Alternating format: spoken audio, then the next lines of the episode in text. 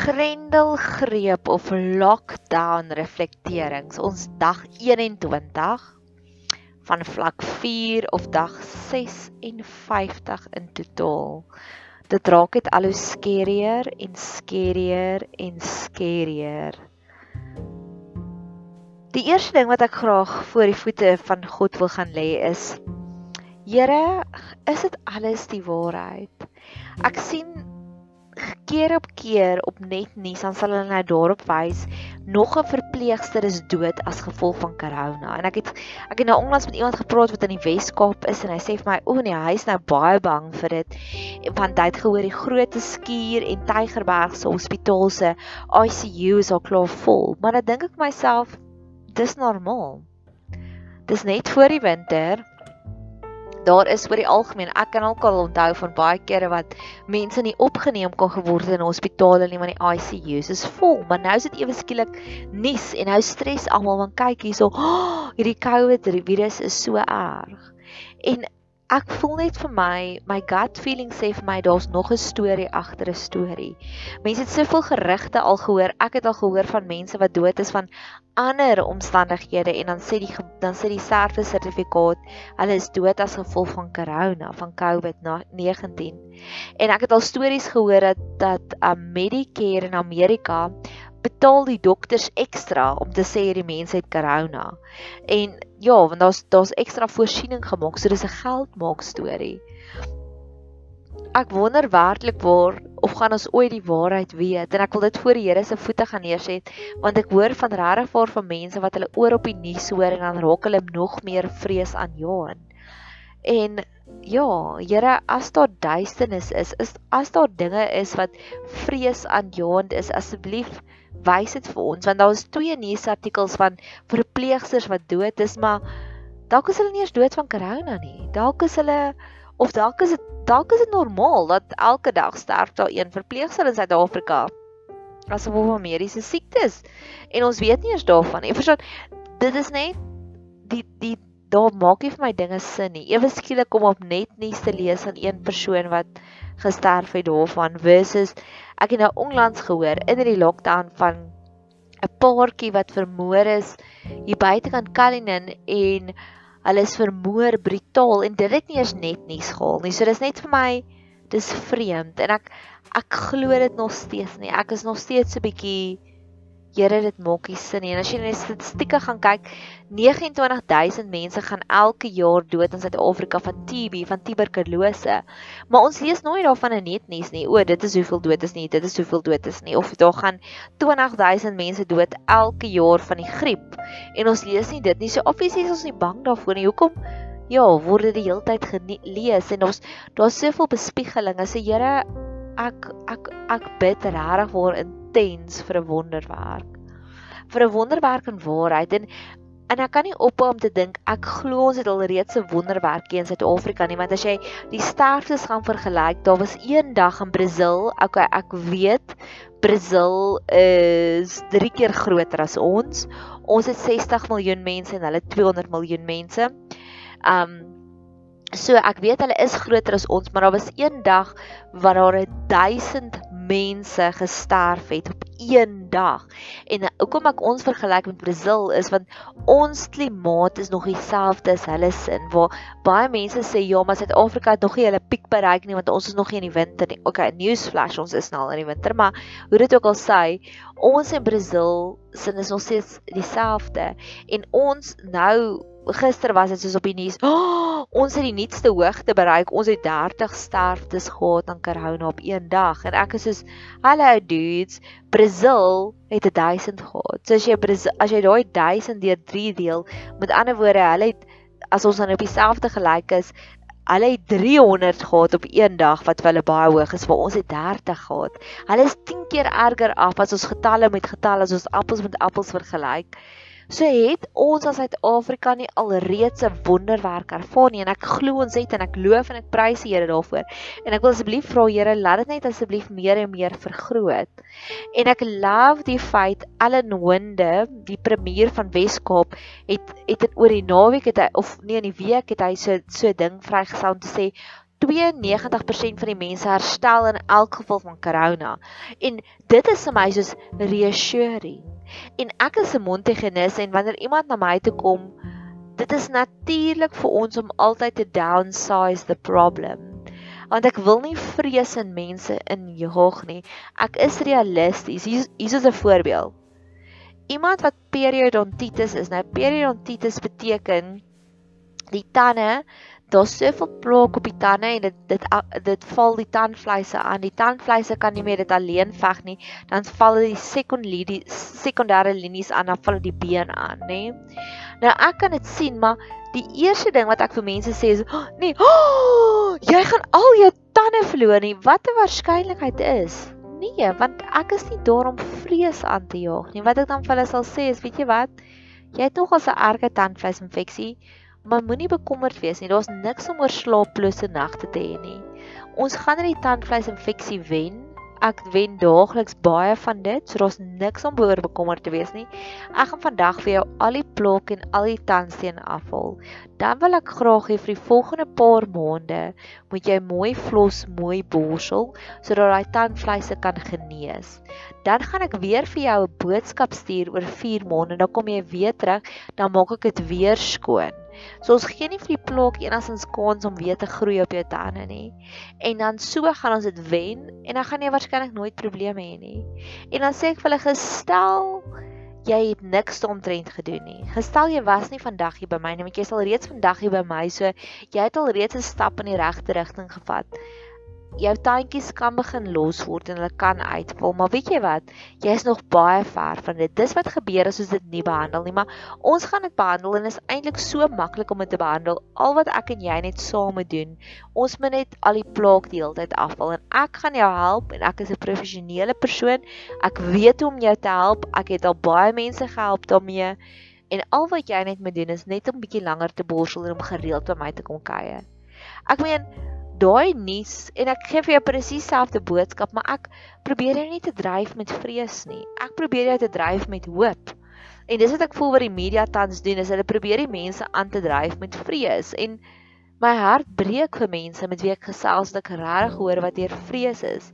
En Dis amper asof die common sense weg is want as jy gaan sit en jy gaan maak die statistieke soos die sommetjie wat ek nou net so gemaak het oor Brasil nê Brasil het groter probleme, maar Brasil is nog nie in lockdown nie, want weet jy wat?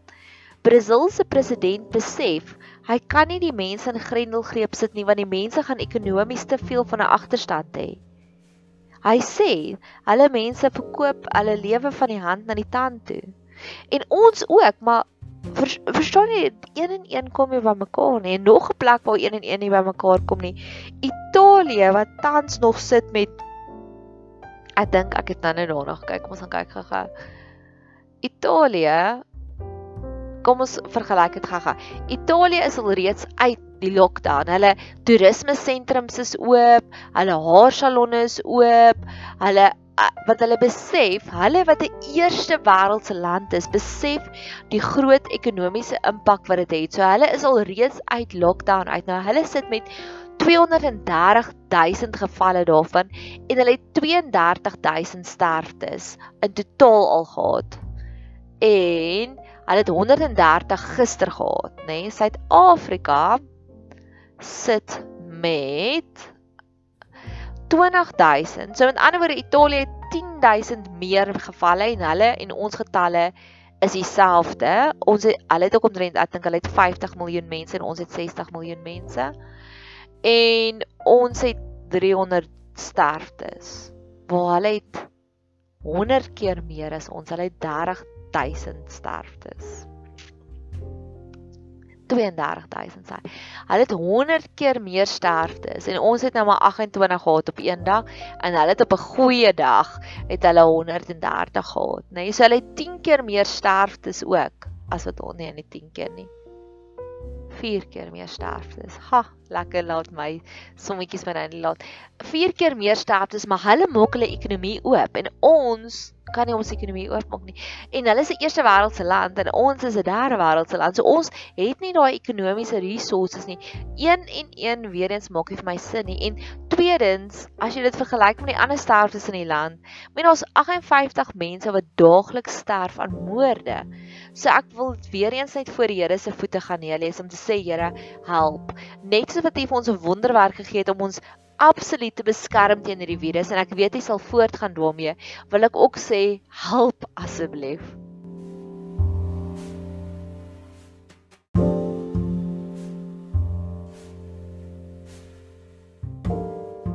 Nog 'n politieke voorbeeld wat ek voor die Here se voete wil gaan neerlê. Daar is nou alweer sprake van um die minister Lamini Zuma wat blykbaar gis wat blykbaar nou onlangs baie hard geveg het om alkoholverkope en tabakverkope te sluit tot en met vlak 1 toe.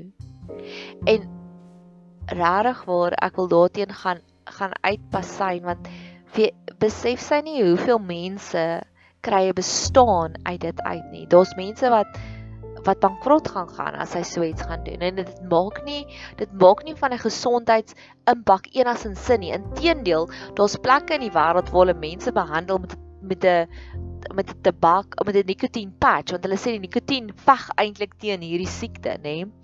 En dit gaan en daar's baie besprekings en baie konspirasie teorieë van hoekom sy dit wil doen, maar nie een van hulle is werklik ware gesondheidsrisiko die ding nie. En dit het my baie intens laat dink aan die verhaal van Jakob en Esau. Jakob het hierdie pot lensiesop gemaak en ek het gister lensiesop gemaak en my vriendin het ook vir my lensiesop gegee, so ek is soos lensiesop overflooded. En um en toe sê dit my gee toe sê ek ek hoop nie jy verwag ek moet my geboortereg hier van vooroorkoop um oorgee vir dit nie en sy het gelag en sy het gesê nee ek gee dit sommer net vir jou verniet. Maar nog steeds het hierdie storie van die lensiesop en Jakob en Esau in my gedagtes gedraai. Want Jakob het hierdie pot lensiesop gemaak en toe Esau ingekom en hy was baie honger en hy het gesê ek gee vir jou my geboortereg en dan gee vir my 'n pot lensiesop. En dit is die mees bizarste, simpelste transaksie in die hele Bybel. Jy gee nie jou geboortereg vir 'n potjie kos nie. Dit is Dis simpel, dis short-sighted. Dit is soos nou is ek honger, nou soek ek kos. Dis 'n 2-jarige wat so redeneer. 'n Volwasse redeneer nie so nie, want geboortereg op daardie stadium wat dit beteken hy was die oudste maar my vriendin het dit so mooi vir haar seun verduidelik want sy sê sy dalk sal my seun dit doen maar in 'n grappie en toe kom die seun daaraan en toe sê sy vir hom ek weet jy hou baie van lensiesop sal jy jou geboortereg verkoop daarvoor? En hy kyk haar sin en sê wat bedoel mamma met geboortereg en sy verduidelik dit so vir hom sy sê dit beteken jy verkoop jou reg om deel te wees van die potgieter familie so jy gaan nooit weer kan erf nie ons kop jy uit die huis uit dril. En ek sê okay dis bietjie meer ekstreem maar ek like daai voorbeeld want dit is so 'n bizarre transaksie, nê? Nee? Dit is soos dis 'n short-sighted transaksie en ek het ver oggend hierdie penny eers gedrop om te sê dis wat ek voel wat met ons regering aan die gang gaan. Ja, daar is nou korttermyn gewin. Daar is op vele vlakke. O, lekker. Jy kan nou 50 miljoen, 60 miljoen Suid-Afrikaners sê wat mag hulle rook en wat mag hulle nie rook nie, wat mag hulle drink. En dan is daar nog sekere konspirasies wat sê sy is betrokke met die ondergrondse onwettige tabakverkope ook. En dalk is dit so en dalk is dit nie so nie. Dalk gaan dit net oor 'n magstryd, nê, want daar's geen gesondheidsredes weer eens vir hierdie nie.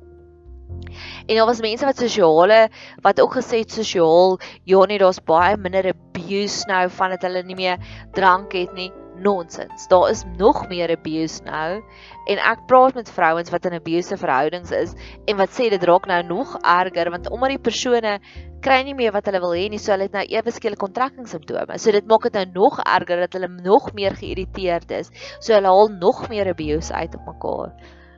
En um So ja, is dit 'n kwessie van Suid-Afrika wat eso is wat sy geboortereg verkoop wat alles verkoop vir 'n potjie lensiesop en indien dit is Here asseblief laat hulle dit sien. Asseblief stuur vir hulle goeie raadgewers om te besef regtig erg dit is nie regte pad om te vat nie. Ek maar ek dink ek is nou klaar ja ek is nou klaar met al die ekonomiese dinge So ek wil nou 'n bietjie meer gesels oor die emosionele dinge. Ek het in die, in die week het ek met iemand gesels, soos vertel ek vir hom ek dink mense wat dom is, gaan baie makliker deur die lockdown. En my rede daarvoor is die oomblik wat jy begin sit en jy begin die vrae te vra om te sê een en een maak nie sin nie. Soos as jy kyk na die al hierdie goed wat ek nou bespreek het of hoekom is ons ekonomie so streng op 'n lockdown? Maar ander plekke wat meer gevalle het, sin is nie so erg in 'n lockdown nie. Een en een maak nie sin nie. Hoe meer jy gaan sit, hoe meer hoe groter kom die vrae. En ek het vir actually voel sê ek dink nou is dit 'n tydperk waar jy geblessed is as jy dom is. En ignorance is bliss dalk op sekere maniere. So ja, ek wil dit ook voor die Here se voete gaan sê, nee dat ek sê maak my dom nie, glad nie, maar Here help my ook asseblief daarmee. Help my ook asseblief dat ek so regtig voel Ek wil amper voel party mense wil ek uit wakker skrik om te sê nee, dit werk nie so nie. En dan die volgende ding wat ek ook 'n emosionele ding is en ek het dit al soveel kere gesê in die pot gooies en ook vir mense in 'n voice note. Ons is in 'n gesamentlike rou. Ons hele wêreld is in 'n rouproses. Daar's lande soos Amerika en kontinente soos Europa wat regtig die mense sterf verskriklik baie daar. En Brasil. Maar ek glo hulle almal het nog hulle regering wat min of meer sensible besluite maak. Waar ander lande soos ons waar die sterftegetalle so laag is, maar die regering maak sulke besluite wat jy dink, "Wat?" So ek glo ons almal is in 'n gesamentlike rouproses en rou het weird uitwerk goeders. So as jy meer voel, meer doetjie doetjie doetjie en ek gaan nou verduidelik wat sê meer doetjie doetjie doetjie. Gee vir jouself genadespasie. Of as mense rondom jou ooreageer of outact, gee vir hulle genadespasies. Ons almal gaan deur rou. Meer doetjie doetjie beteken meer geïrriteerd wees, meer woede hê, meer depressief hê, minder energie hê, minder produktief wees, meer tyd omwens. Ek het gister met iemand gepraat toe sê hy party kom is hy net by die huis en dan wens hy net vir môre. En dis 'n teken van depressiwiteit en dis hartseer. My hart breek vir hom, maar dis normaal want ons is almal in rou. Moenie En dis wat ek al ek het al hierdie storie keer op keer vertel van God is 'n allerhoogste God. Hy sien ons hele prentjie. Hy sien ons begin en ons einde. Hy sien ons vrotkol en hy sien ons goeie punte. Ek het eendag in die begin van die jaar was ek in 'n situasie. Ek het um vir my vriendin gaan frozen yogurt cupcakes koop vir haar verjaarsdag en dit was verskriklik ver van ons huis af en ek hou nie van bestuur nie en dit was nog 'n Saterdag so dit was my dit was my nogals Dit was 'n opoffering wat ek gemaak het maar met joy want dis wat wat Hebreërs 12 vers 2 sê is om te sê Jesus het die opoffering gedoen om aan die kruis te sterf maar hy het dit gedoen as gevolg van die joy wat hy gekry het daarvan. So ek het dit was 'n groot opoffering van my maar ek het soveel meer joy gekry. So ek het 'n pad soontoe beplan. Ek gaan met hierdie persoon gesels en um toe ek en ek het beplan ek gaan daar vir my frozen yogurt koop want ek love frozen yogurt en dan gaan ek terugry en die frozen yogurt eet. En en dinge het nie so uitgewerk nie dat toe ek in die motor klim nadat ek die frozen yogurt gekoop het die cupcakes en my eie enetjie vir padkos wat in so 'n wat in so 'n roomys sakkie was toe maar dit was 'n geseelde roomys sakkie toe op pad net ek uit die parkeerarea ry toe bel iemand anders my ook met 'n intense emosionele kwessie. En ek het die oproep gevat en ek het gesels en ek gedink, "Ja, nou het ek nog 'n uur om terug te ry huis toe en ek kan dan met hierdie persoon gesels." En ons het gesels en ek het op 'n stadium na my swart sitplek, lap sitplek langs my gekyk en ek het gesien hoe begin hierdie frozen yogurt en was kondensmelk geur, hierdie wit melkerige vloeistof uit te oes in die son op my lap sitplek. En ek het 'n vinnige besluit gemaak van ek kan nie hierdie oproep neersit nie. So ek moet nou maar eerder probeer gelukkig het ek 'n hands-free kit.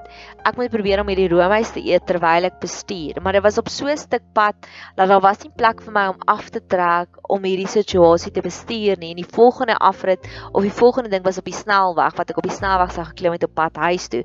En net na die snelweg was was Mamelodi, so daar was geen ander plek vir my om af te trek en hierdie situasie te bestuur nie. So al wat ek gedoen het is ek het in daai stadium het ek begin om hierdie roomys te eet en soos ek hom geëet het en ek ek het swart klere ook aangehad die dag. Toe drup hy onder ook uit. So ek het probeer bo en onder en bo en onder en dit was 'n kwessie en ek het op 'n stadium wat ek besef ek skeep hierdie persoon af wat regtig vir al my aandag nou wil hê en die enigste natuurlike reaksie was om die venster oop te maak en dit uit te gooi.